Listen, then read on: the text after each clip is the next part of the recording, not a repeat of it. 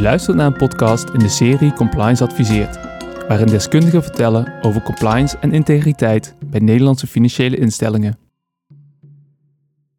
Naarmate het handelen in en bezit van virtuele valuta meer en meer mainstream wordt en mede door regulering de markt van cryptowallets en virtuele valutawisseldiensten professioneler wordt, is het zaak om als financiële instelling te kijken hoe je risico's met virtuele valuta kunt mitigeren. In deze podcast zoomen we met Simon Lelyveld in op de manier waarop de onderzoeker zijn onderzoek kan doen naar source of funds en source of wealth, in het bijzonder als het om virtuele valuta gaat. Simon Lelyveld is ruim 10 jaar zelfstandig regulatory compliance consultant, is daarvoor bijna 7 jaar werkzaam geweest voor de Nederlandse Vereniging van Banken, onder andere als hoofd van de afdeling bankentoezicht financiële markten Daarvoor was hij bijna zes jaar bij de Nederlandse Bank als senior beleidsanalist retailbetalingen in dienst en ook elektronisch geld, vergat ik bijna. En daarvoor nog zo'n zes jaar bij ING Postbank. En daar hield Simon zich al bezig met het betalingsverkeer. Welkom Simon, dank dat je tijd hebt kunnen maken voor een bijdrage aan deze podcast. Ja, nou leuk, uh, leuk om eh, mee te kunnen doen. Het is een uh, mooie serie die je aan het maken bent. Ik luister altijd met veel plezier. Leuk om te horen, Simon. Dankjewel. Mijn co-host Frederik van Binnenbeke van ABN, die heeft sinds dat hij meedoet ook aan podcasts maken bij ons teasers geïntroduceerd. En die ga ik nu even voorleggen. Virtuele valuta zijn uitermate geschikt om illegale herkomst van middelen te verhullen. Nee, dat uh, valt heel erg tegen, omdat het zo uh, transparant en open source is. Toezichthouders en beleidsmakers maken zich te veel zorgen over het misbruik van virtuele valuta door criminelen. Uh, ja, dat is absoluut het geval. Als je trustsector, beleggingsinstellingen en crypto met elkaar vergelijkt en kwantificeert wat daarin omgaat en je voegt daar de bankensector aan toe, dan zie je dat er wat uh, disproportioneel veel aandacht naar de crypto gaat. Het vaststellen van de legale herkomst van vermogen in virtuele valuta is voor financiële instellingen eenvoudig te doen. Nou, het is niet heel eenvoudig, maar het is ook de vraag in hoeverre het bij hun rol noodzakelijk is. Dus dat zou ik. Uh, het kan, okay. maar het is niet altijd nodig.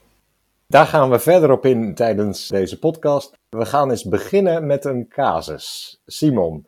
Uh, en aan de hand van die casus gaan we vervolgens de context van het onderzoek en de verplichtingen en zo bespreken. Over welke casus wilde je het hebben, Simon? Uh, nou, het leek me leuk om een casus te nemen waarin in de transactiemonitoring een uh, volume outbreak is en er plotseling echt een, een fix bedrag, zeg maar een half tonnetje of tussen een half ton en een ton, naar boven uh, stuwt, dat uh, aangekocht wordt, zeg maar één bitcoin op dit moment. Um, en de transactiemonitoring analist gaat kijken en ziet, hé, hey, wat is dat nou? dat is, er trekt iemand een paar, als particulier zomaar even een halve ton uit zijn broekzak. Waar komt dat vandaan? heel even voor de alle zekerheid, volume outbreak, daarmee bedoel je dus dat er veel meer volume binnenkomt dan je zou verwachten volgens het patroon? Nou ja, inderdaad, dan je zou verwachten volgens een patroon. Maar je kunt natuurlijk ook een zelfstandige volume outbreak hebben waar, waarbij je zegt, nou alles boven 50.000 ga ik toch eventjes naar kijken. Want, ja, want dat is gewoon, uh, dat, ja, daar kan je, kan je ook een mooie auto van kopen. Dus, uh, Oké, okay, nee, dan weten we dus even zeker wat uh, Ja, dat, is, dat, dat kan ieder bedrijf natuurlijk op zijn eigen model instellen. Maar ik ga er Precies. even vanuit dat, dat een, een, een, kleine middenklasse auto reden genoeg is om even te kijken wat zou erachter kunnen zitten. Ja. nou, dan kom je uit, bijvoorbeeld die analist komt dan uit bij een uh, ja, bij, een, bij een bankrekening gaat, gaat navraag doen en dan zegt ja, ik ben, uh, ik ben ook ondernemer. Dus er blijkt dan een BV achter te zitten. Nou, die BV, daar kan je dan weer naar, verder naar kijken en die blijkt dan 100% aandeelhouder te zijn. Het is eigenlijk gewoon een soort van uh, ZZP'er met een BV. En dan, als je daar dan op doorvraagt naar die middelen, dan, dan is het zo van ja, weet je, met deze rentestand wil ik gewoon even mijn risico spreiden. En ik heb besloten dat in Bitcoin te doen. Nou, dat kun je keurig netjes afdichten met verklaringen, waardoor die gewoon particulier blijft en je weet wat de herkomst van de middelen zijn. Um, maar dit is, dit is een mooi grensgeval waarin je terecht kan komen als je middelenonderzoek gaat doen bij, uh, bij virtuele transacties. Het lijkt mij dat een transactiemonitoring-analyst en of een KYC-analyst zoiets in de praktijk zomaar mee zou kunnen maken. Dus heel interessante casus. We gaan in de loop van deze podcast verder nog in op hoe benader je dan zo'n soort casus? Maar dat doen we ook aan de hand van meer achtergrond van wat is nou precies vermogen, wat is nou precies middelen. Zullen we daar al mee beginnen of wil je nog over die casus ja. verder? Nee, dat, uh, de casus die kan verder prima aflopen met verklaringen. En het punt is dat je in, in veel van dit onderzoek op een zekere manier eigenlijk ook aan het sprokkelen ben. Hè. Je gaat in de loop van de tijd verklaringen krijgen van een klant naarmate zijn patroon duidelijker wordt en inzichtelijk. En het is soms ook de combinatie van die informatie die je helpt om, om conclusies te gaan trekken. Als je het hebt, de aanleiding voor het onderzoek in deze casus is dus die volume outbreak. Moet ik dat nou als vermogen of als middelen zien? En is dat überhaupt een relevante vraag? uh, nou, in dit geval is dat in principe middelen. Je wil weten waar komt het vandaan. Hij zegt, nou, dit is van mijn bedrijfsrekening. Dan vraag je door. Dan zegt hij, ik, eh, nee, dit is een opname in privé. Nou, dat is dan helder. Dat, dat leg je dan vast. Je kunt daaraan toevoegen de vraag van, uh, kunt u ook netjes aangeven dat u dit op een goede manier bij de belasting, hè, dus dat je het goed verwerkt in je jaarrekening en in je privé uh, belastingopgave. Nou, zegt hij, tuurlijk doe ik dat, daar heb ik mijn accountant voor, prima. Dan heb je die verklaring staan. Zou jij een verklaring van de klant daarvoor voldoende vinden of wil je daar bewijs van zien? Uh, nou, dat, dat, dat kun je uh, trapsgewijs doen. Uh, als je ziet dat iemand toch 100% aandeelhouder is, ja, het is niet helemaal vestzak, broekzak, maar vroeger of later, kijk, als dit het enige is wat hij doet en er volgt niks, ja, dan, dan kun je met deze verklaring, denk ik, uh, het hangt een beetje van je risico-instelling eh, af als instelling. Maar daar kun je vooralsnog mee uit de voeten. Het is, het is in zekere zin niet spannend. Maar je kunt natuurlijk eventueel ook met een schuin blik op de jaarrekening kijken van, van die ondernemer. Uh, van wat staat er überhaupt dan in? En of dat dan, ja, of die nou zijn hele vermogen die kant uitgeslingerd heeft of niet. Dus dat het is echt casuïstiek die dat mede, mede bepaalt, zeg maar. Dus ja. Oké, en Wanneer hebben we het dan over vermogen? Want je zei, dit zijn in principe in, om te beginnen middelen. Ja, um, nou als je kijkt naar het verschil tussen vermogen en middelen ook qua wetgeving. Je hebt natuurlijk het constateren wie is je klant, wat is een transactiepatroon en dan het doorlopend onderzoek naar de middelen en vermogen die bij transacties worden gebruikt. En het verschil is dat vermogen, er zijn twee triggers. Uh, de ene trigger is dat iemand uh, politically exposed person is, dus een PEP. En dan um, heb je nader te kijken van, oké, in zekere zin kun je zeggen, is dat een soort uh, proxy van corruptierisico. Waar komt het vermogen van de PEP vandaan? Hè, is het de politicus die zich via een zijlijntje laat, laat betalen, beïnvloed worden of, of anderszins, zeg maar, of de tassen met geld krijgt? Mhm. Eh, dus dat is de ene variant. En de andere ehm, trigger die eh, eh, raakt aan het checken van de vermogenspositie is een relatie naar een jurisdictie met een hoge, hoog risicogehalte. En daarvoor kun je dan de EU-lijst van hoogrisicolanden uh, hanteren. Maar welke lijst je hanteert is natuurlijk, hangt af van je geografische scope als onderneming. Dat wil zeggen dat je onderzoek naar vermogen verder achterwege zou kunnen laten. Dat is dus alleen in die twee gevallen, bij PEPS en bij geografisch risico. Ja, daar is het in ieder geval. Uh, er is nog een andere reden uh, dat je het zou kunnen doen. Um, en dat is als je aan de voorkant bij de onboarding een klant hebt die zegt: Ja, natuurlijk ga ik 3 miljoen beleggen. Ja, ja okay. dan, dan zou het toch ook wel een moment zijn om te zeggen: van nou, wacht even. Waar komt dat vandaan? En, laten we dan aan de voorkant ons proces uh, toch even wat gedegener maken. Want, uh, want anders dan zit je in, nou ja, in, in, twee seconden uh, toch weer datzelfde gesprek te voeren. Dus dat, dat, je kan het ook in de onboarding tegenkomen. Nu noem je 3 miljoen ja. en dan denk ik, ja, dat begrijp ik wel. Stel dat hij zegt, ik kom met een ton. Is dat dan nog steeds nodig, denk je? Of hè, dan zoek ik even naar waar ligt die grens? Ja, nou die grens die ligt dus echt uh, per onderneming uh, verschillend qua uh, risicopropositie, qua marktbenadering. Dus welk type onderneming richt je op? Met welke soort dienst? Is dat een maatwerkdienst of is dat een standaarddienst? Dus daar, daar heb je echt ja, smaakverschillen per, per onderneming. die dus ook verschillende uitkomsten geven. Voor de, voor de ene onderneming, zeg maar als je aan de onderkant van de markt zit en er komt iemand binnenwandelen en zegt hier kom ik met een tonnetje dan, dan zou je kunnen zeggen, ja wacht even, dat, dat, uh, ja, ja. daar gaan we snel naar kijken. Maar omgekeerd, als je gewoon in de grootzakelijke markt eigenlijk alleen maar professionele beleggers hebt, ja, dan, dan lig je niet wakker van een tonnetje meer of minder, laat ik het zo maar zeggen. Ja, ja. Dus, dus dat, dat, dat varieert. Dus als je vermogen wil verhullen, kan je beter in de grootzakelijke markt beginnen. ja, goed. Ik, uh, ja. ik was niet direct erop uit om vermogen te gaan verhullen. Nee, nee, nee, nee, nee, nee. Ik, ik begrijp het verschil. Klopt het dat vermogen dan overeenkomt met wat men in het Engels verstaat met wealth en uh, middelen uh, funds? Ja, zo zou, ik dat wel, uh, zo zou ik dat wel lezen. Dat zie je ook een beetje terug in de EBA-guideline over, ja. over dat onderwerp. Oké. En, en gaat het bij vermogen uh, om meer dan alleen het banksaldo of het geld wat er ingebracht wordt? Is er, wordt er ook naar andere onderdelen van een vermogen van iemand gekeken? Ja, nee, dit, dit, is echt, dat, dat is, zoals ik het zou benaderen, is dat meer een holistische benadering. je moet gewoon een beeld krijgen bij waar komt dat, waar komt dat vermogen vandaan. Uh, en of dat in de banksaldo staat, of een erfenis, of succesvolle serial entrepreneur. Uh, ja, je moet, je moet er een soort röntgenfoto maken van: oké, waar, waar, waar. Hij, hij heeft nu zoveel aan vermogen. hoe, is het, hoe is het tot stand gekomen? En die hoef je natuurlijk niet in detail te kunnen volgen. Ja, maar waar ik ook op doel is: stel een klant blijkt heel veel vastgoed in bezit te hebben. Ga je daar dan ook ja. onderzoek naar doen? Uh, indien nodig. Ja, indien, nou, ja, waar dat dan weer vandaan komt, bedoel je? Ja, waar, waar, waar, ja, hoe ja, heeft hij dat kunnen kopen? Ja, ja, ja. Nou goed, daar, uh, daar is het altijd, kom je terug op het principe dat je risicogebaseerd te werk gaat. Dus dat je dat af laat hangen, de diepgang van je onderzoek af laat hangen uh, van, ja, van, van het feitelijk gedrag van de klant, het voorgenomen gedrag. Um, dus naarmate er meer volume doorgepompt wordt, gaat je onderzoek dieper worden. Dat is dan eigenlijk ja, maar uh, speelt daarmee eventueel nog mee dat het vastgoed bijvoorbeeld niet in de zakelijke relatie wordt ingebracht? Dus je hoeft er geen onderzoek naar te doen. Of ligt daar niet de, het criterium? Um, weet ik niet zeker. Um... Volgens mij staat nee, er namelijk is... Eh, ergens van: uh, je doet onderzoek naar wat er in de zakelijke relatie ingebracht wordt, toch? Ja, ik, ik denk dat je daar, um, dat je daar wel, wel een goed punt hebt. Ik heb, eh, zoals zeg, ik zit er vrij holistisch in. En risk-based. Dus je, wil, uh, je gaat die, die diepgang opzoeken op het moment dat je het uh, nodig lijkt te hebben, zeg maar. Ja, ja. En um, het, het, is een, ja, het is een goed punt. Maar ik, ik heb wel eens een keer een situatie gehad, gezien waarin... Um, ja, en dan krijg je een heel, heel opmerkelijke situatie. Dus je probeert uit te vogelen van wat is hier gaande. En dan krijg je een toelichting. En dan is er allemaal een mooie toelichting over dit en dat en zus en zo.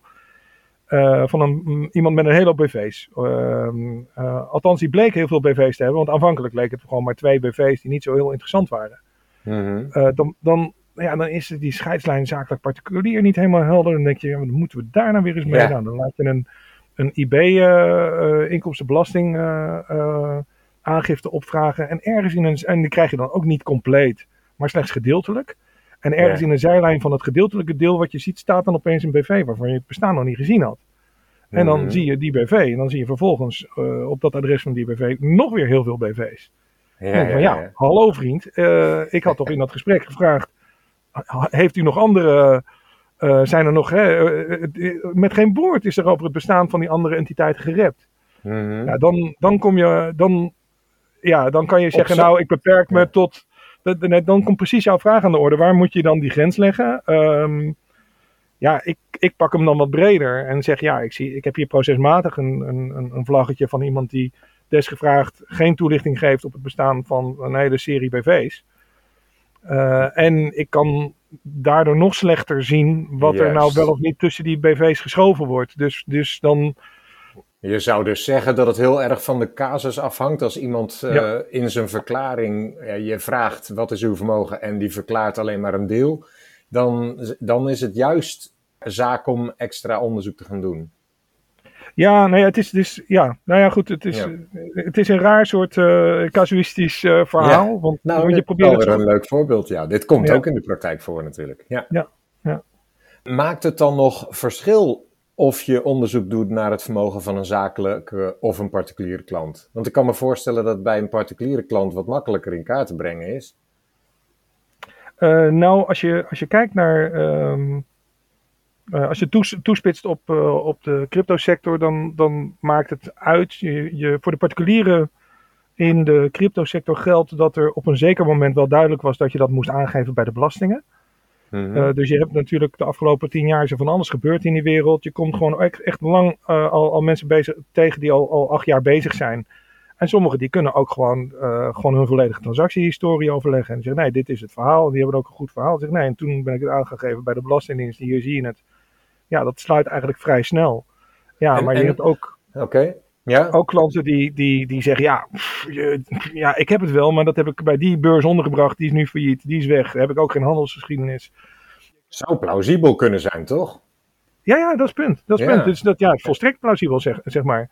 Ja. Dus dan moet je zeggen, oké, misschien krijg ik dan wel niet op de vierkante millimeter, heb ik dan niet zo'n zo'n zo'n eh, zo'n zo'n cijfertijger die het allemaal zelf heeft. Maar ik kan dan wel kijken wat de weerslag op zijn belastingaangiftes is geweest. Wat voor transactiehistorie vind jij acceptabel? Is dat dan zijn, de transacties van zijn bankbetalingen om, waarbij, waaruit blijkt wanneer die bitcoin of andere virtuele valuta heeft aangekocht en weer verkocht? Of eh, zijn dat transacties uit de blockchain? Of eh, hoe moet ik dat zien? Nou, het is meer, het is meer kijk, iemand zegt, ik heb eh, toen hartstikke veel verdiend, want ik heb een ritje meegemaakt van Ethereum van, eh, van 220 naar eh 1400. Ja, En ik had er nogal wat. dat kan. Nou, dat kan. Maar dat is dan even de vraag op welk moment. Dus dan kun je kijken of de momenten van aanschaf en dergelijke aansluiten op, op dat verhaal. Juist. En dus dan daar- moet je dus even je, uitzoeken ja. of inderdaad de, de koers klopte met wat er verklaard wordt door de klant. Ja, me- meestal kun je daar wel eh cake van bakken. En als je er niet cake van, van kan bakken, dan zal je merken dat andere verklaringen eh, ook vaag zijn. Dus dan blijft het allemaal een beetje wazig. En dan voel je al van, oké, wacht even, dit, dit, Ja. Eh, tegelijkertijd moet ook, eh, geldt ook, je bent nogal wat aan het vragen. Dus je, je, je zit, Mhm. je zit pot, potdokkie, eh, zit je gewoon echt. Dus je krijgt bij de klant ook natuurlijk heel veel weerstand. Van ja, maar, maar hallo, eh, eh, eh, is dit wel wel nodig? Dat mag helemaal niet volgens de wet dat je dit aan mij vraagt. Dan zeg je ja, ja eh, sterker nog, Dat dat is wel de bedoeling van de wet. Ja, maar ik heb er eigenlijk helemaal geen zin in. En hoezo dan? En waarom? Dus, dus het is echt, eh, eh, ja, nee, dat, dat, dat hebben... Eh, je, je moet redelijk, als je dit helder wil krijgen in dit onbekende terrein, zit je toch wel wat te grutten. En dat, eh, nee, ja, dat is natuurlijk niet tot, tot genoegen van de, van de doelgroep. eh. Je noemde zojuist ook eh, het opvragen van de aangifte inkomstenbelasting. Ik kan me heel goed voorstellen dat niet elke particuliere klant of ook zakelijke klant erop zit te wachten om dat te delen. Nee, dat- is absoluut een heel, heel lastige. Maar het, het allerlastigste is dat je een asset class hebt waarin de vermogensverschuivingen ehm, eh, geleidelijk aan ge- eh, geformaliseerd werden en opgegeven bij de belasting. Waarin de vermogenstoename heel groot is. Dus je kunt, je kunt echt inderdaad voor 1000 euro eh, zes jaar geleden mooie dingen hebben gekocht. Die je nu gewoon echt wegtikt met heel veel verdiensten.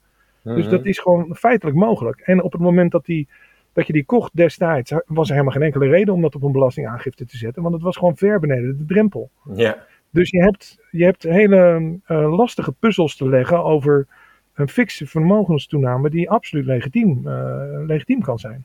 ja. Eh, en nou ja, daar, dat, ja, dat is een Hoe- lastige puzzel. En hoe Ja. doe je dat dan? Hoe zou jij dat doen? Dus, dus eh, nagaan wanneer is aangekocht en wanneer is weer Ja, verkocht. ja, ja. dat, dat in beeld krijgen. En ehm, eh, ja, dan, dan wordt er. Kijk, als hij zegt: Ja, ik heb dit patroon gehad, ik heb het toen gekocht, ik ben daarna altijd actief gaan handelen. Op deze manier, dan kun je eh, kijken van, oh ja, dat is inderdaad te zien. Hij is daarna. Je kunt ook bijvoorbeeld, je hebt soms een patroon van mensen die eh, iedere keer een, een, een stukje van de cake afsnijden. En eigenlijk gewoon, ze kopen eh, iedere keer, ze zeggen gewoon, ik ga voor 5000 kopen. Dan kopen ze voor 5000 en als het op 6000 staat, verkopen ze. Dan wachten ze Ja. weer even, kopen ze voor 5000, 6000. Als je die optelt bij elkaar, dit- het is alleen maar gewoon 5000 euro waarmee iemand aan de gang is. Maar als Ja. hij gewoon actief treedt, dan loopt dat volume als een dol omhoog. Zeg je, jeetje man, die gast heeft voor, voor, voor- voor een half miljoen lopen handelen. Nee, dat is gewoon 5000 en heel consequent een tradingstrategie uitvoeren. Ja. Dat moet hij dan kunnen aantonen. Nou, dat moet je kunnen aantonen. Nou, daar kun je met een blockchain veel meer zien dan. Hè, en, en als mensen hun eigen handelsgeschiedenis hebben, kun je, heb je meer openbare zicht dan iemand die zegt: Ja, ik ben gewoon een succesvolle trader. eh, nou ja, er- ergens anders. Maar in principe. Ehm, ja, dus dat zijn de, de puzzels die je te leggen hebt eigenlijk. Maar op wat voor manier verifieer jij dat dan in de praktijk? Ga je inderdaad echt zelf in de blockchain kijken eh, of dat adres daarvoor kwam? Vraag je ook Bitcoin-adressen op van je klanten? Hoe doe je Nou, er, dat? zijn, er zijn natuurlijk een paar smaken. Ehm, eh, dat hangt van, van de marktpositie van de onderneming eh, zelf af, zeg maar. Dus voor mij geldt dat ik nu één klant in de Bitcoin sector adviseer, dat is Bitonic. En die zit al vrij lang in de, eh, in de markt. Mhm. En die hebben een grote transactiehistorie. En daarin kun je dus eigenlijk al zien van, oh ja, maar tuurlijk, ja, deze klant die zit al tien, tien nou niet tien, dat is wel heel erg lang, zeg maar. Ja. Maar er zijn echt wel klanten die zeven of acht jaar er zitten. En waar je dus al zeven jaar geschiedenis hebt. En kunt zien, oh ja, tuurlijk. En je, eh, je hebt eigenlijk al, dan al vrij veel historische informatie. En mocht je die niet hebben, dan kun je nagaan, nou, eh, een uitleg vragen. En dan vertelt iemand iets over zijn handels, eh, eh, handelsgedrag. En daar kun, je- dat kun je dan ook op de blockchain verifiëren. En voor Bitonic geldt dat ze hun eigen analyse tool hebben. Maar er zijn ook andere analyse tools in de markt die, eh, ja, waarmee je kunt nagaan of de verklaring strookt, zeg maar, of dat hout snijdt. Kun je er één of twee noemen, dat soort analyse tools? Ja, je hebt, je hebt er twee, Elliptic en Chain Analysis, zou ik even uit mijn hoofd roepen. Juist. Ja, Ehm, Oké. Ja, die. Nou ja, dat, dat is weer een verhaal apart. Vaak VS-spelers die zich niet per definitie aan de GDPR houden. Dus daar, daar, er zitten, eh, weer daar zitten risico. weer wat andere vragen. Dat is een ander risico.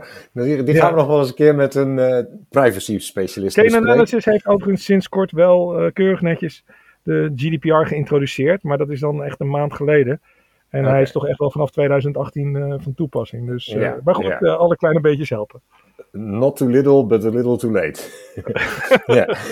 Nog heel even terug naar eh, het doen van onderzoek naar middelen en vermogen in het algemeen.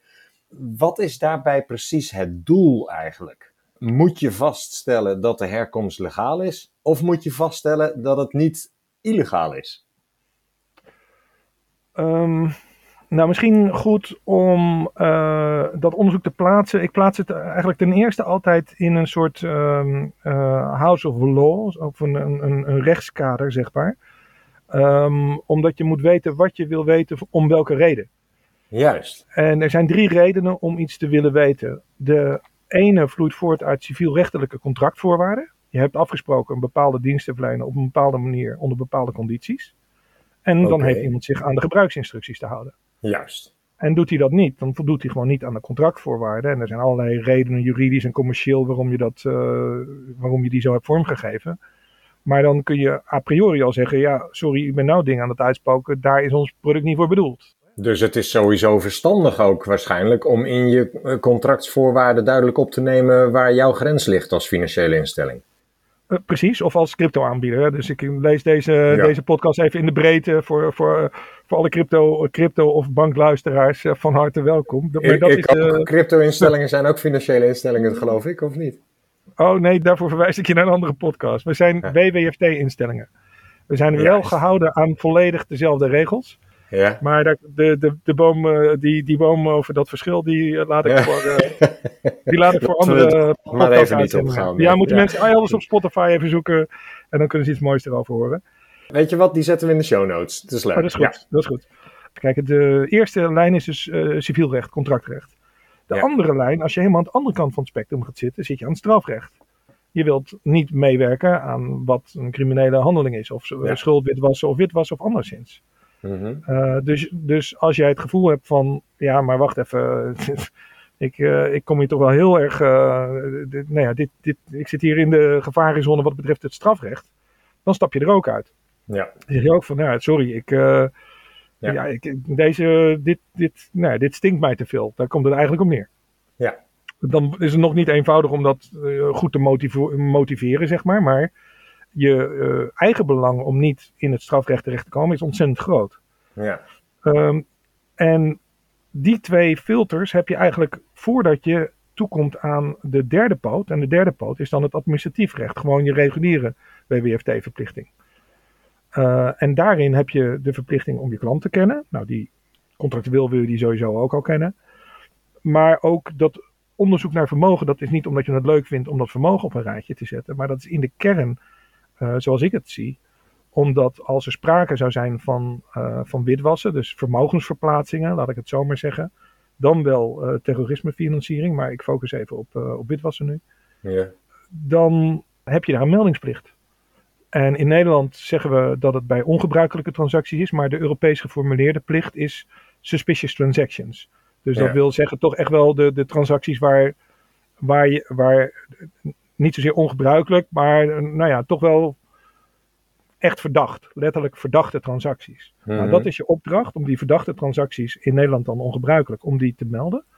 En in, dat, in de sfeer van het constateren of het verdacht of ongebruikelijk is, past dat je nagaat wat is het transactiepatroon, waar komt dan het geld vandaan en waar gaat het naartoe. Want die geldstroom, de follow the money gedachte, die helpt je om te constateren of het mogelijk eh, een, een witwasconstructie zou kunnen zijn. Ja, want je kan ook eigenlijk niet echt een eh, transactie als ongebruikelijk aanmerken als je niet eerst vastgesteld hebt wat je gebruikelijk zou vinden, denk ik. Eh, nou, het is vrij makkelijk in de cryptowereld om een, transactie als ongebruikelijk aan te melden, omdat een hoop mensen zich niet realiseren dat eh, het enkele raken van de eh 15.000 euro tot gevolg heeft dat een ongebruikelijke transactie gemeld moet worden. Ja, dat is een objectief criterium.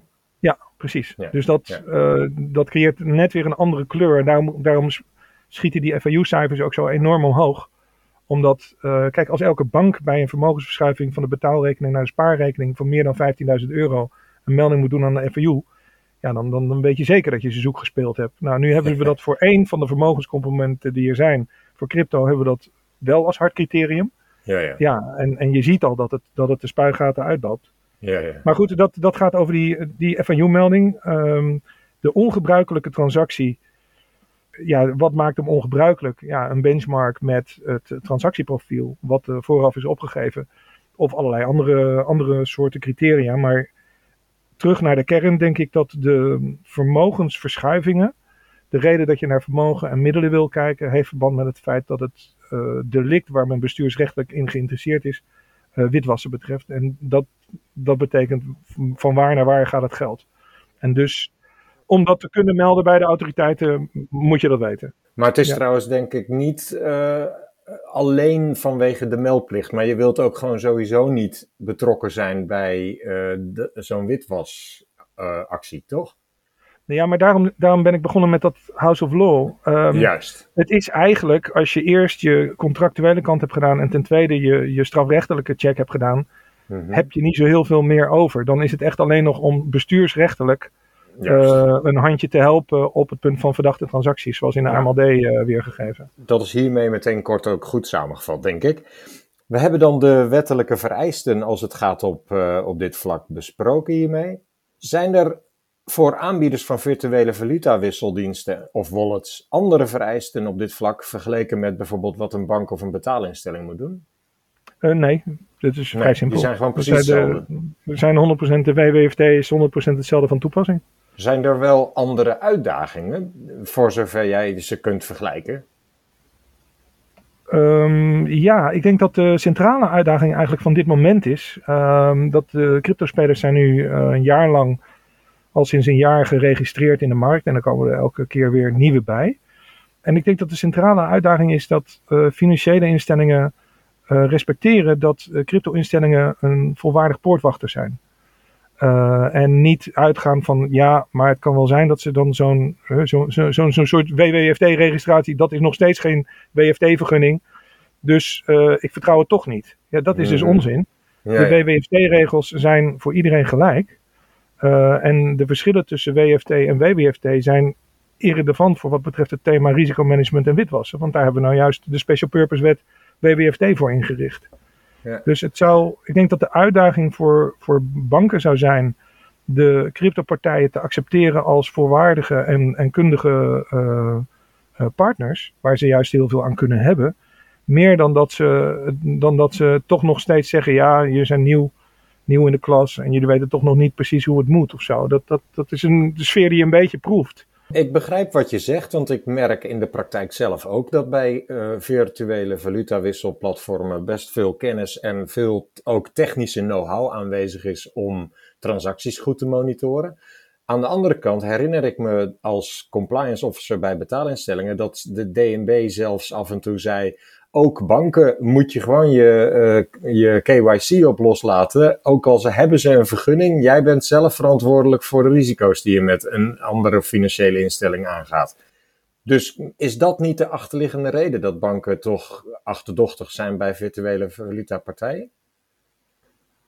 Dat zou kunnen, maar goed, dan, eh, dan vind ik dat je dezelfde norm ook moet toepassen op andere. Kijk, eh, het is niet zo dat Rabo bij een overboeking naar ABN AMRO eigenlijk zegt, ja, maar ABN AMRO doet zijn, doet zijn WWFT-werk niet goed.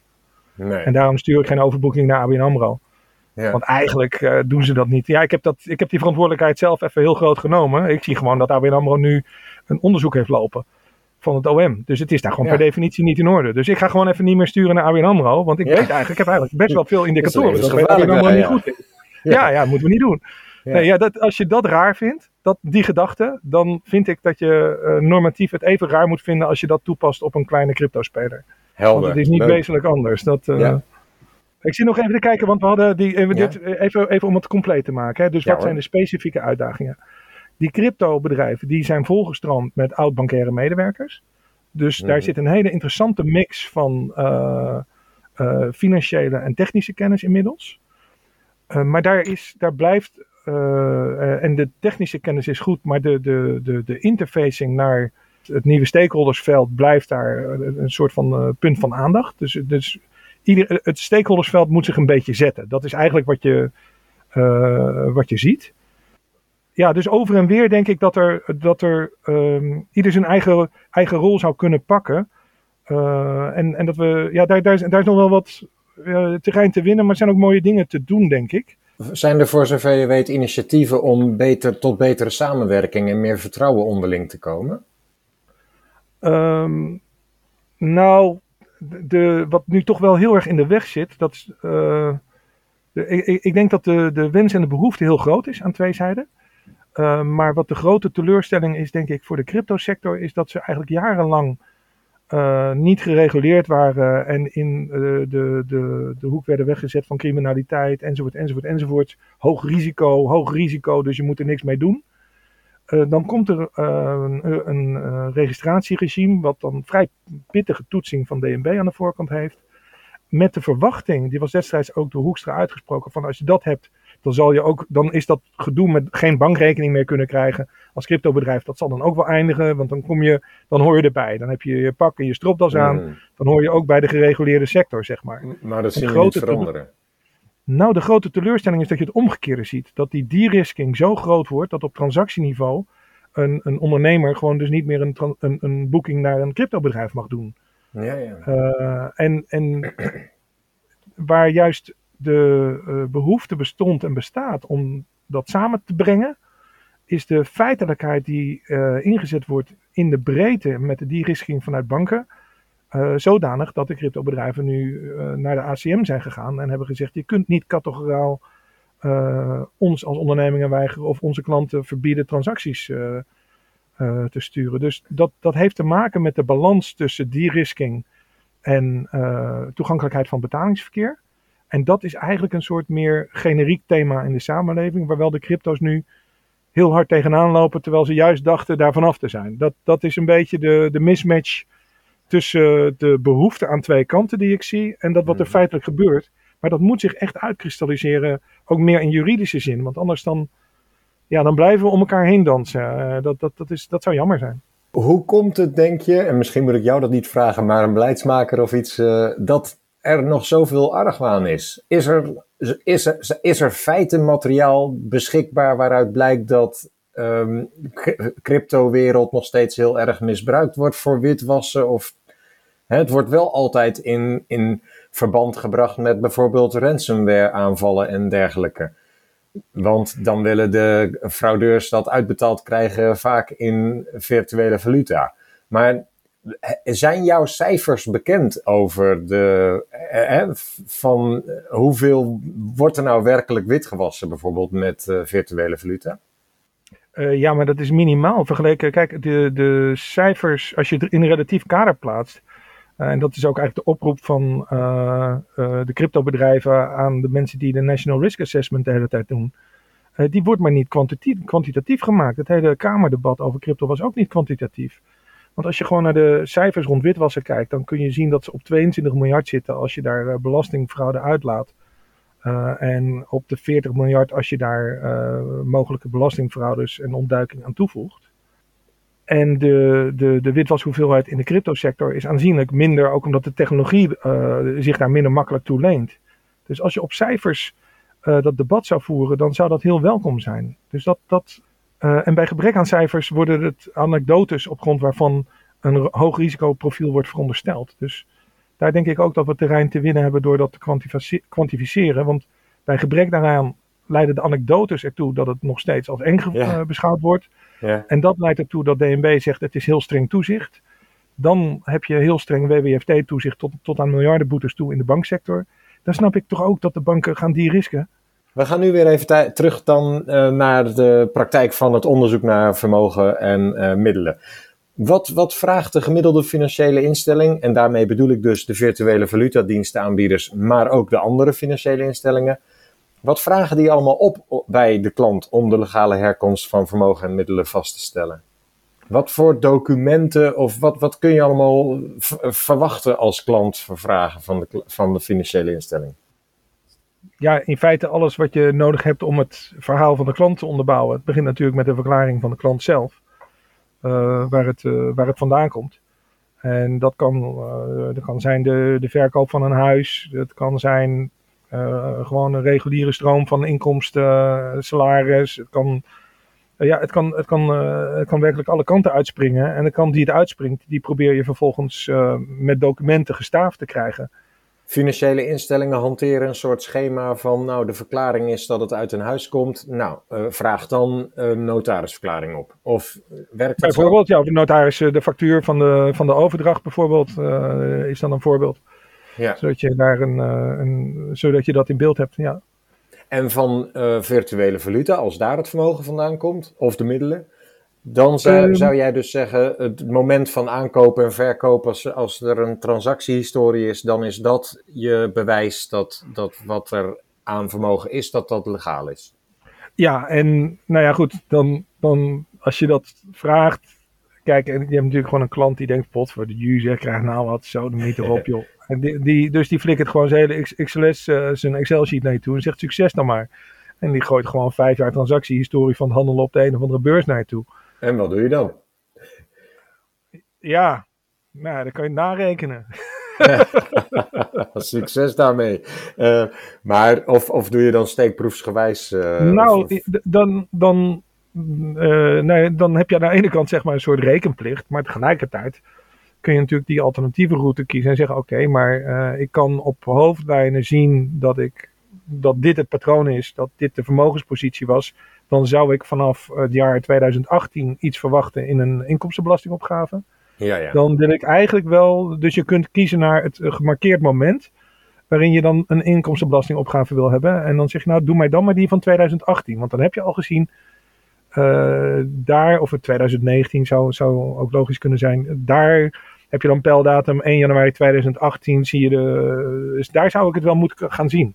Ja, dus, dus het is uh, bijna niet te doen om vooraf helemaal uit te kouwen samen welke documenten je allemaal kan opvragen, want dat hangt heel erg van de context af, begrijp ik. Ja, ja dus op de verklaring van de klant uh, doorvragen tot je, tot je een ja, voldoende, voldoende soort bewijs hebt. Je kunt ook prima gebruik maken, zeker ook bij zakelijke klanten, uh, van hun nevenliggende dienstverleners, dus de accountants of fiscalisten.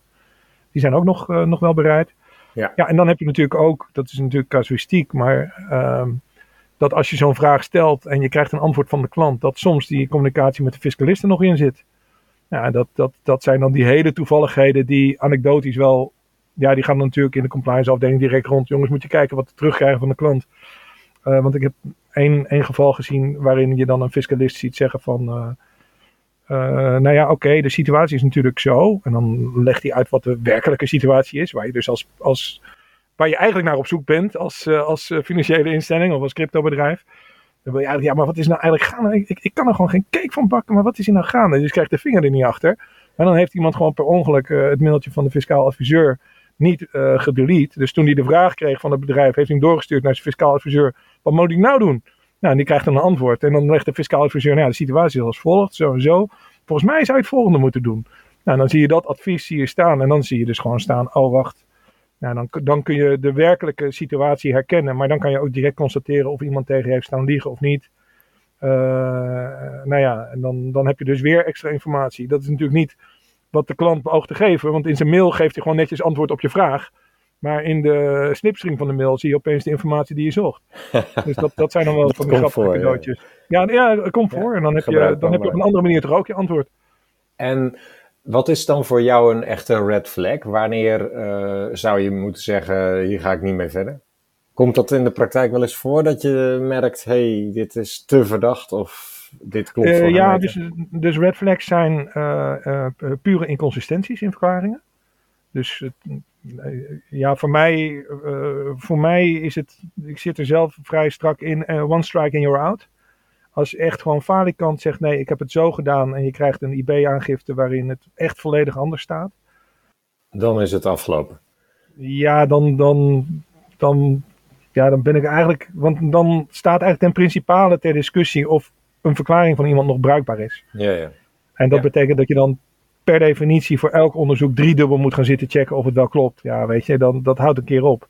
Ja. Dus als je dat kan gaan voorzien, het ligt ook natuurlijk, eh, als het een heel klein detail is wat er niet toe doet, dan, kijk, dan zit je er anders naar. Dan, eh, zoals die ene man die, die een hele sleep, uh, sleep BV's niet opgegeven had. Ja, weet je, uh, sorry, daar ga ik er ook niet meer over nadenken hoeveel meer en, en dit en dat nog. Dan, uh, dan is het, u heeft ons niet volledig geïnformeerd en we beëindigen de relatie. Want ja. u wordt geacht ons wel volledig te informeren. En andere red flags? Um,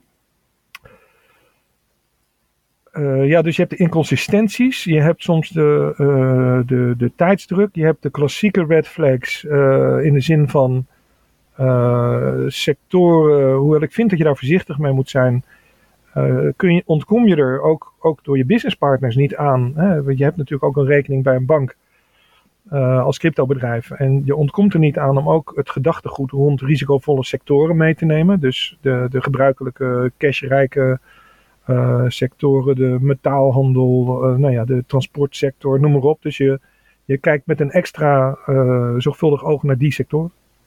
Dat, dat, daar, daar kijk je naar. Hebben nog geografische risico's natuurlijk ook? Uiteraard, uiteraard. Ja. Dus dat ligt even aan je, aan je scope. Dus je kunt daar nog een heel, ja, de andere elementen van sterk wisselende IP-adressen. Stel nou dat een klant die virtuele valuta heeft, zegt uh, dat hij, uh, ik, zo, ik zeg maar wat, twee bitcoin heeft. Dat is inmiddels al een ton hè, ongeveer, of hmm. meer nog.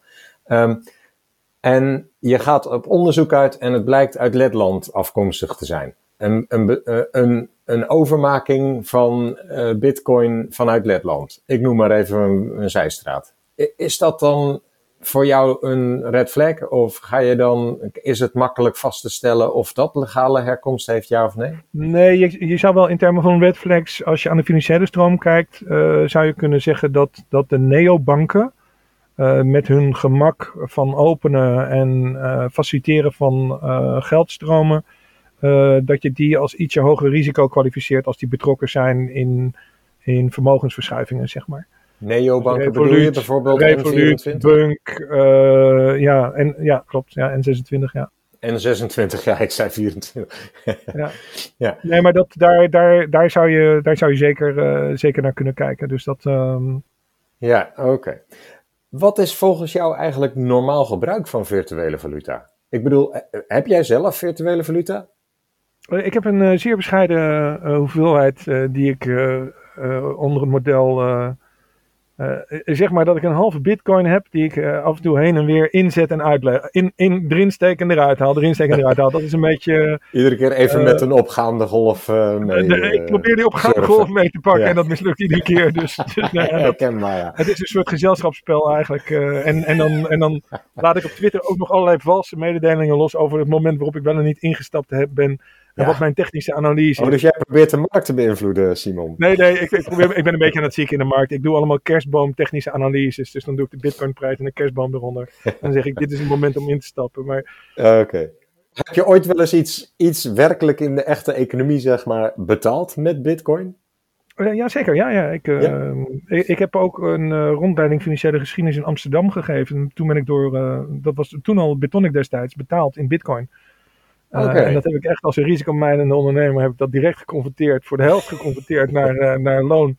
En die andere heb ik laten staan en daar ben ik inderdaad uh, koptelefoontjes van gaan kopen op het internet en allemaal van dat soort zaken. Oké. Okay. Dat had ik natuurlijk nooit moeten doen. Het zijn de duurste oortelefoontjes ooit. nou ja, Achteraf gezien. Dat, Wanneer was dat? Dat geldt voor iedereen. ja, 2014. ja, ja, ja, dus dat. nee, dus, dus typische soorten van gebruik, zeg maar. Je hebt je kunt zeggen dat je de klasse hebt van mensen die zeggen: Ik ga. eh, ik zoek een veilige haven voor mijn geld. Het is dan wel onzeker met Bitcoin. Maar die negatieve rente, dat vind ik eh, heel vervelend. Dus je hebt een soort van de investeerderskant van de zaak. Mhm. Eh, je hebt de traderskant. Dus gewoon mensen die, die denken de markt te kunnen verstaan en gewoon gaan daytraden. En ja, met een volatiele asset, ja, dat, zou, het zou je kunnen lukken, misschien ook niet. Het ligt heel erg aan je tradingdiscipline. En je hebt de mensen die het gebruiken voor ja, betalingen van allerlei soorten, zou ik dan zeggen. Dus de, eh, je hebt ja, hele variaties aan eh, infrastructuren. Als ik het nu even over de Bitcoin-infrastructuur heb, met name, daar zit het Lightning-netwerk bovenop. Wat een soort tweede laag betaalstructuur is. Ja, waar je. eh, kijk, we gaan toch steeds meer naar een, peer-to-peer omgeving toe. En dat, de, de Bitcoin-technologie biedt die peer-to-peer mogelijkheid ook heel erg nadrukkelijk. Dus dat is alsof je een tikkie hebt, maar dan in de Bitcoin-wereld. Ja, Ja, dat, dat, dus die, die smaak heb je ook. eh, betalingen kun je op die Ja, manier ook wel ja. makkelijk doen. Ja, heel makkelijk en heel snel ook en wereldwijd. Dus, dat, dat, eh, dus die, drie, eh, ja, die drie heb je. Ja. Zie je niet al klanten die echt ook het voor hun pensioen gaan doen? Of valt die onder zeker. een van deze nee, nee, drie nee, nee. Je hebt zeker ook nog de, de, laten we zeggen, oudere ondernemers. Die gewoon, ja, die. Eh, en, en het viel mij op dat die. Ik heb de indruk dat dat al heel veel eerder op gang gekomen is. Dat er een hele grote stroom van ondernemers al heel veel eerder besloten heeft. Ik moet een deel in Bitcoin zetten. En die nu daar echt de vruchten van plukken, omdat ze dat op, op 5000 euro gekocht hebben. ja, ja. En nu echt een, een, een prima boost in hun pe- pensioenvermogen hebben, zeg maar. Maar die ondernemer die zal dat dan toch vaak liever in privé willen doen dan in zijn onderneming. Want in zijn onderneming moet hij erover afrekenen. En in zijn privé ook, maar iets minder. Dus daar, nou ja, daar zitten allerlei ja, fiscaliteiten ook nog onder, zeg maar. Maar dat, dat, dat is absoluut het geval. Die, die pensioenroute die is daar en die is ook eh, ja, erkend lucratief gebleken voor mensen die meer dan twee jaar geleden eh, daarmee begonnen zijn, zeg maar. En wat moet een financiële instelling vinden van het feit dat eh, om belastingtechnische redenen er dit soort keuzes gemaakt worden? Om bijvoorbeeld particulier dan bedrijfsgeld in feite te gaan beleggen? Is dat niet belastingontduiking? Nou ja, eh, als, je, eh, als je dat belastingontduiking zou vinden, dan zouden de banken zelf toch ook belastingontduikers zijn? Nee, ik, Ja, ik, ik is- vind het is- niet echt per se zo. Maar ik, ik weet ja. wel dat banken of financiële instellingen, eh, hè, worden, wordt erop aangedrongen van let nou op wat je eh, wel en niet toestaat op het gebied van belasting. eh, Ja, nee, dat, dat, dat snap ik. En het is natuurlijk ook heel makkelijk om dat terug te kaatsen naar de banken. Maar we moeten wel ja, eh, waken voor het perspectief, zeg maar. Als je gewoon als multinational een IP-regeling doet, waardoor je vele miljoenen in een tussenliggend eiland kan parkeren zonder dat er belasting over wordt af- afgeheveld, zit je op een andere klasse dan een, eh, dan een ondernemer die gewoon constateert, nou, ik heb hier zoveel eh, vermogen in mijn bedrijf.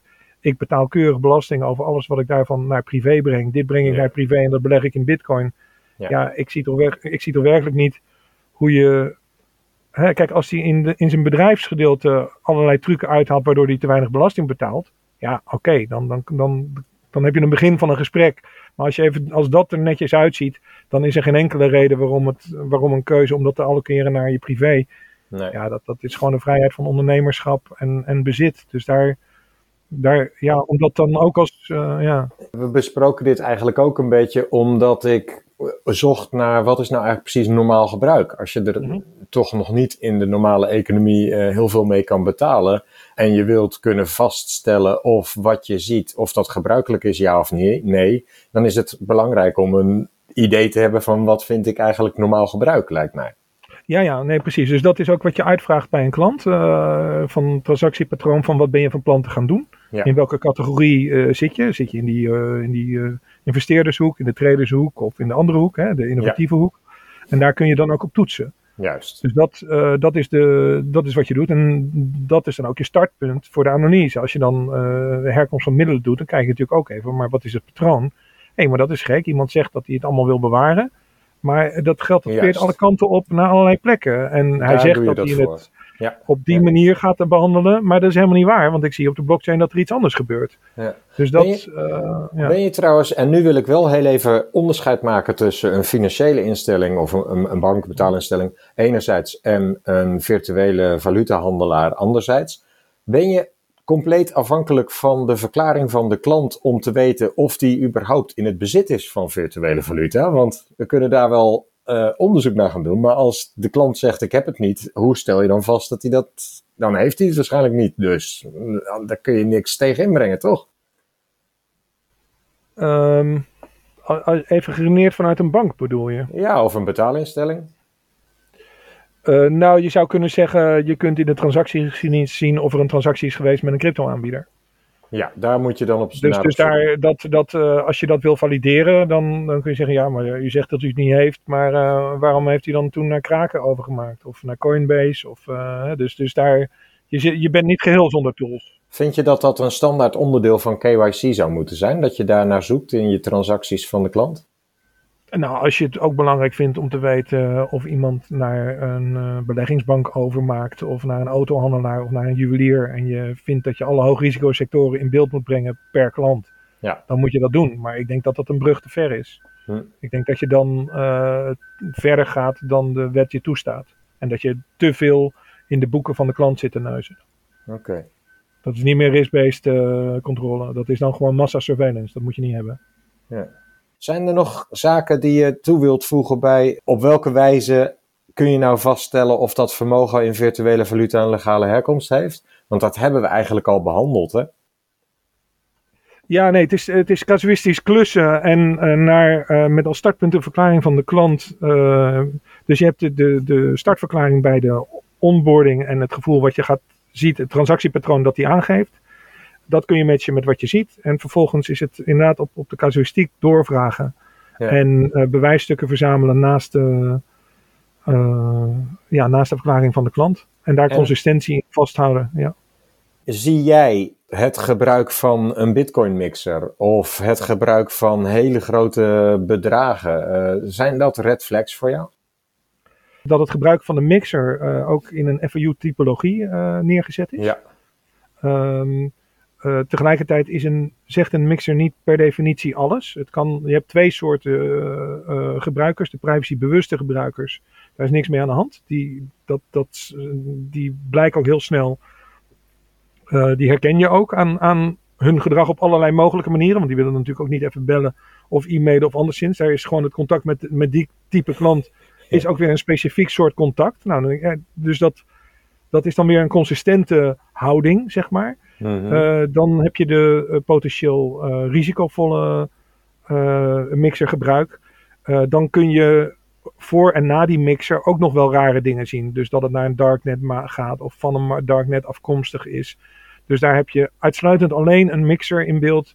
Het is toch altijd de context die, die informatief is. Dus ja, misschien voor de luisteraar die niet precies weet wat een mixer is, heel kort. Oh, oké. Wat, ja. Uh, wat een mixer is, nou, uh, als je een bitcoin voorstelt als een soort uh, ja, digitale munt, laat ik het zo maar voorstellen, dan hak je hem in een miljoen stukjes. Je gooit hem alle kanten uit.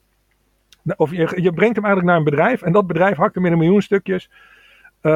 hakt hem nog een keer in een miljoen stukjes, omdat bit, in die blockchain draag je ja, zo'n munt een paar keer over. Dus je draagt hem die duizend stukjes heel veel keren over. Je draagt duizend keer duizend stukjes heel veel keren over. En dan smelt je hem weer samen tot een munt. Ja, en nou, dat dan, krijg dan je kan je terug. van die, van die oude munt kun je nooit meer terug, terugleiden waar die origineel vandaan komt. Ja. En dat proces daartussen, dat noem je dan de mixer eigenlijk. Dus dat, ja. dat is een en daarmee beetje is de hele trail waar die vandaan kwam, ja. is verbroken. Ja, ja en nee, want je ziet dat die uit die mixer komt. En nou ja, goed, hè, als je dat heel erg je best zou doen, dan zou je nog eens kunnen proberen om, die, om dat hele proces te reproduceren. Maar ja, dat, dat is natuurlijk best, uh, best lastig. Dus, ja, dat, uh, ja, ja. Nee, dus dat zijn mixers inderdaad. Ja. Zijn er andere zaken waar je tijdens het analyseren van het transactiegedrag of ander gedrag, uh, want je zei al, dit is een FIU-typologie. Zijn er nog andere typologieën of zaken waar je op zou kunnen letten of waar je naar zou kunnen verwijzen? Daar kun je meer informatie vinden over red flags op het gebied van virtuele valuta? Uh, ja, je hebt de, volgens mij hebben we ook als Nederlandse community best wat input geleverd aan de Nederlandse beleidsmakers over de red flags die uiteindelijk in de FATF-stukken terecht zijn gekomen. Ja. Dus er zijn volgens mij FATF-stukken met red flags over, over crypto waar redelijk wat Nederlandse input in zit. Dus die, die zijn zeker de moeite, de moeite waard. De, de, de Eh, red flags van de FATF, ja. Eh, en ik zit even te kijken. Ja, soms, soms is wat een red flag. som- je hebt ook, eh, je moet je ook voorstellen, je hebt in die Bitcoin-wereld ook dollar cost averaging. Dus dat je een klein stukje geld spaart. En als een soort beleggingsstrategie. Ehm, en het is ook de kunst om die te kunnen onderscheiden van een money mule. Die Ja. op verzoek een klein stukje, de hele tijd eh, een klein stukje placement doet. Maar in dit geval doe je gewoon een klein stukje placement in je eigen digitale portemonnee Mhm. omdat dat je beleggingsstrategie is. Dus daar eh, er zit altijd een extra lading. Na, naarmate je dichter op die materie zit, is het niet zo clean cut als het, als het van de buitenkant lijkt. Dat je zegt, nou ja, mix dat je, dus er is wat aan de hand. Of oh, kijk eens, dit, eh, hier is echt een placement patroon. Ja, placement gewoon in zijn eigen portemonnee. Juist, Dus, ja. dus dat, dat, ehm, ja, dat, nou ja, dat, dat zijn de dingen die je gewoon tegenkomt. Dus het is niet eenvoudig goed op de bal blijven letten. Dat is het, de uitdaging wel. Wat we zien is toch wel die, die standaard fraudes, de phishing fraudes, de, de scam fraudes, de broker scams. Eh, ja, die worden gewoon in de bankaire wereld zijn ze er. Nou, die worden ook met hetzelfde gemak eh, uitgerold over de cryptowereld. Dus maar dat is niet een- per se een, een individuele crypto-eigenaar eh, te verwijten, lijkt mij. Nee, dat klopt. Maar, maar je komt dus wel diezelfde karakteristieken tegen als ehm, eh, hoge leeftijd, een dating scams en dat soort zaken. Dus dat is, Ja. dat is ja, die hele wereld die, die ja, daar hebben we gewoon allemaal. op zijn. Ja, Ja, nou vooral in die Bitcoin wereld is één aparte factor dat eh, het vergt nog wel wat technische kennis. ja. Dus je hebt een extra ding waar je op kan letten voor wat betreft is iemand bekwaam en, en soms ook bevoegd om eh, te handelen in bitcoins. Als je dan zegt, ja, maar welke wallet gebruik je? En iemand zegt, ja, ja, ja Geen idee. eh, wat is een wallet? ja. Ja, dan, is, dan is eigenlijk je tweede vraag, kan het zijn dat u eigenlijk ehm, op advies van iemand die Engels praat eh, met ons deze transactie heeft gedaan? ja, ja, ja, ja. Eh, eh, nee. Oh, maar waarom stuurde u dan daarnet die e-mail in het Engels? Ja, ja, ja. Dus, dus, je, dus je hebt wel, ja, je moet gewoon, je moet, ja, zoals Ook iedereen, boerenverstand heel alert zijn. ja, Ja, absoluut. Ja. Tot slot, Simon. Welke ontwikkelingen kunnen we in de nabije en verdere toekomst nog verwachten op het vlak van onderzoek naar herkomst, vermogen en middelen op het vlak van virtuele valuta? Zie je daarin nog ontwikkelingen? Je zei, je hebt best wel wat technische kennis nodig. Misschien ligt daar iets voor de toekomst? Nou, er is een, eh, kijk, dat vermogen, dat wordt getriggerd doordat je een PEP bent, of dat er een eh, ver- ver- verband is met eh, gerelateerde staten. Zo wordt dat Mhm. genoemd in de, in die, in de AMLD eh, op dit moment. En eigenlijk, als je dat operationaliseert in de compliance praktijk, dan ontkom je er niet aan om een eh, student uit Iran die in Nederland komt studeren, eigenlijk het hemd van de lijf af te vragen, omdat, ze, omdat je zegt, ja, ik wil weten wat je vermogen is. Want de gerelateerde Ja. staat die risicovol is, eh, dus je gaat dan vrij ver in je, in je CDD en dat roept in de praktijk bij de, ook bij de KYC-analisten op, ja, maar zijn we nou niet met eh, discriminatie bezig? Want we Hmm. zitten op nationaliteit te discrimineren, dat mag toch helemaal niet? Nou, daar zit een heel lastige vraag, die, die, die je weet dat je dan eh, toestemming moet gaan vragen eh, op een hoger managementniveau. Je hebt eigenlijk de, de, de PEP-controle, PEP-achtige vermogenscontrole die je moet doen. Eh, de middelen, zo iemand die heeft, heeft wellicht niet eens een proof of residency, omdat hij eerst er even een paar weken logeert bij iemand en dan weer daar en dan weer hier en dan weer daar. Dus je, je, je kan zien dat, dat wat, wat ik een lastige vind en waar ik vermoed dat er iets zal gebeuren, is dat dat de een of andere variant van Amnesty International eh, nog wel eens dat thema beet zou kunnen pakken om te zeggen, ja, maar dat is gewoon eufemistisch beleidsmatige taal voor keiharde discriminatie. Dus Mhm. of je zegt dat je op nationaliteit moet discrimineren, maar dan moet je volgens de wettelijke regels daar heel proportioneel dat inkaderen. Wanneer wel, wanneer niet. Maar nu is het schimmig geformuleerd, waardoor je als instelling die probeert daar invulling aan te geven, bijna er niet aan ontkomt om op nationaliteit te hanteren. Maar mag je dat eigenlijk wel? Ja. Nou, daar zit een, een, een vraagstuk of dat wel zich verhoudt met, met ook VN-principes van eh, eh, human rights in, in business. Ja, Eh, dat is wel dat- interessante, ja. ja. in- in- nou ja, die, die heb ik ergens op de horizon staan als. Mogelijke Nou ja, wellicht dat die nog in beeld komt. De andere is dat UBO-register natuurlijk. Ehm, we hebben de, het Hof van Justitie die komend voorjaar over het UBO-register het nodige gaat zeggen. Ehm, in feite is dat het traceren van de werkelijke eigenaar van, of de werkelijke belanghebbende van vermogen of een partij achter een onderneming. en daar zit een vraagstuk van hoe ver mag je gaan in al die gedetailleerde informatie die je opvraagt. op grond van welke regels en moet je dat allemaal transparant maken en waar liggen de grenzen? Het Hof van Justitie gaat daar een uitspraak over doen, maar ook de European Data Protection Authority heeft eigenlijk in die hele discussie over de nieuwe uh, regelgeving rond uh, uh, KYC en AML een heel duidelijk schot voor de boeg gegeven van jongens, het, het, er is een te grote discrepantie tussen dat wat we allemaal niet toestaan met telefoongegevens en wat we normaal vinden in de bankgegevenswereld. Dus telefoongegevens na zes maanden weggooien en niet meer gebruiken en bij bankgegevens is het normaal dat je erin spit en afhankelijk van de inhoud bepaalde acties neemt. Nou, daar zit een grote discrepantie in en dat, dat, daar, daar heeft die Europese Data Protection Authority iets over gezegd. Ehm, en voor Nederland geldt dat de consequentie van de uh, regulation-stijl van de uh, Europese Unie is dat we af moeten van de ongebruikelijke transacties.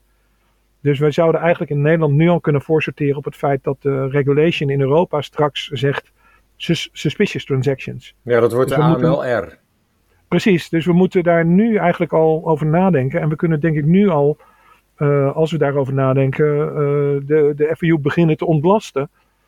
Uh, want naar mijn gevoel gooien we nu door die, door die ongebruikelijke transacties heel veel hooi bij de spelden.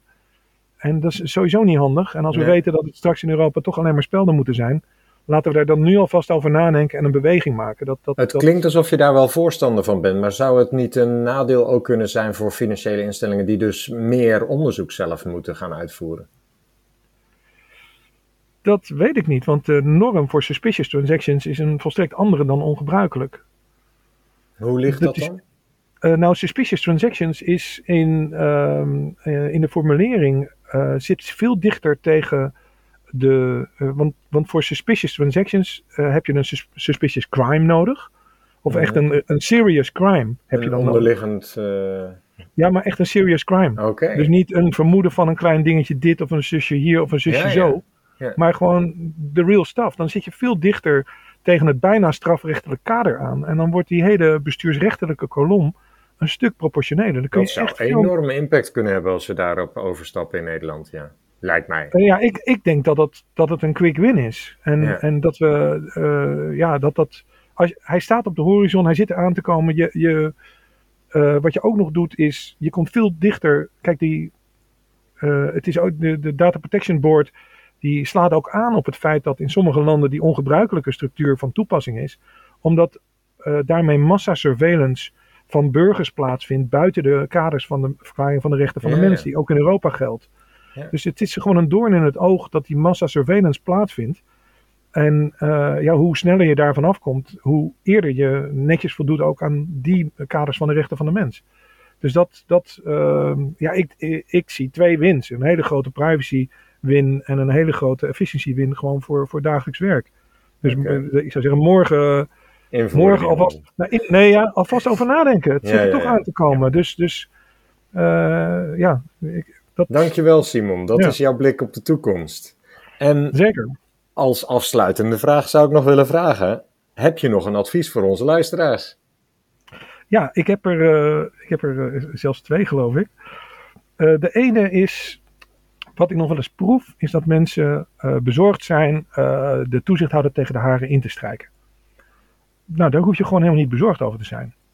Je kunt, en ik zou eigenlijk adviseren om de relatie met DNB, een goede relatie met DNB kan ook prima hand in hand gaan met een meningsverschil. Kan prima hand in hand gaan met een ingebrekenstelling. Ik vind dat wel een goeie dat jij deze noemt, Simon. De meeste mensen weten wel over die zaak uh, met uh, Bitonic tussen Bitonic en DNB. En we hebben onlangs nog een podcast opgenomen met Andries Doets, waarmee jij samen die casus hebt uitgevoerd, toch? Ja, klopt, klopt. Ja. Uh, maar maar dat, het punt is ook, het, het DNB zelf vindt het ook prima als je iets formaliseert en naar de rechter brengt. Want dan ontstaat er rechtsvorming en helderheid over waar de grenzen liggen in de wet. Ja. Dus de, de, de grote angst, uh, kijk, daar wordt gewoon professioneel en zakelijk gekeken naar de, naar de onderwerpen. Heel en, goed. Uh, ik denk dat dat, ja, dat is wel het, het soort van het, het grootste advies wat ik kan geven. Want ik proef bij in andere settings dat mensen zeggen, ja, maar we moeten we dan een rechtszaak beginnen tegen DNB. En dan gaan we toch ruzie maken en krijgen we dan die bal niet retour via een Ja, ander dossier. Ja, Dus die angst is heel groot. En die angst hoef je niet te hebben. DNB Nee. is echt een, een. Je kunt DNB op haar professie aanspreken en dat terugverwachten. Dus dat. dat was een hele Dat- goede tip, eh, Simon. Ja, want- anders dan er krijg je-? Ja, ja die andere is eh, naar aanleiding van eh, wat workshops met Edgar Karsing tijdens mijn NCI-opleiding. Van Nijenrode, ja. Ehm, ja, eh, en dat gaat dan vooral over. Je kunt je eh, tegenspraak en je morele dilemma's ook prima organiseren. Hij heeft daar gewoon een paar, paar goede tools voor. Ja, daar, daar zaten gewoon een paar mooie tools in zijn toolset. Die heel, heel bruikbaar zijn en heel nuttig zijn, omdat je. eh, Kan een eh, luisteraar aan die toolset komen op de een of ja, dat is een goeie. Ehm, nou, laat ik het, het kernconcept wat ik wel heel sterk vond, is een moreel beraad en morisprudentie. Ja, ja. Dus dat je, dat je dilemma-afwegingen doet, dat je samen op zoek gaat naar waar liggen grenzen eh, en hoe, hoe vul je dat in. Mochten luisteraars die podcast nog niet hebben gehoord, met eh, Edgar heb ik die podcast ook over dit onderwerp eh, al opgenomen. Dus leuk om die dan nog even terug te luisteren, om daar een tip voor te geven, inderdaad. Ja. Hartelijk bedankt, Simon. Ik vond het heel boeiend en interessant. Heb jij het gevoel dat je kwijt kon wat je erin kwijt wilde? Ehm, eh, ik, ik denk het wel. Het is, het is, het is heel casuïstisch. Het is super Ja, casuïstisch. ja, dus ja, het is echt... ja. eh, Ja, een Eh, compleet beeld kun je er niet in één eh, uurtje Ja. van geven. Ja. Super bedankt en heel veel succes in de toekomst. En ehm, ja, tot, eh, tot de volgende keer zou ik zeggen. zeker, graag gedaan. Hi, hi. Hoi. Dank dat je luisterde naar Compliance Adviseert. Heb je met plezier geluisterd? Volg dan op LinkedIn de pagina van Compliance Adviseert. En kijk even op onze website complianceadviseert.nl. Laat daar je e-mailadres achter, zodat je een e-mail krijgt bij een nieuwe aflevering. Ook bij vragen of opmerkingen mag je een bericht sturen via LinkedIn of de website. Alvast bedankt en tot de volgende keer.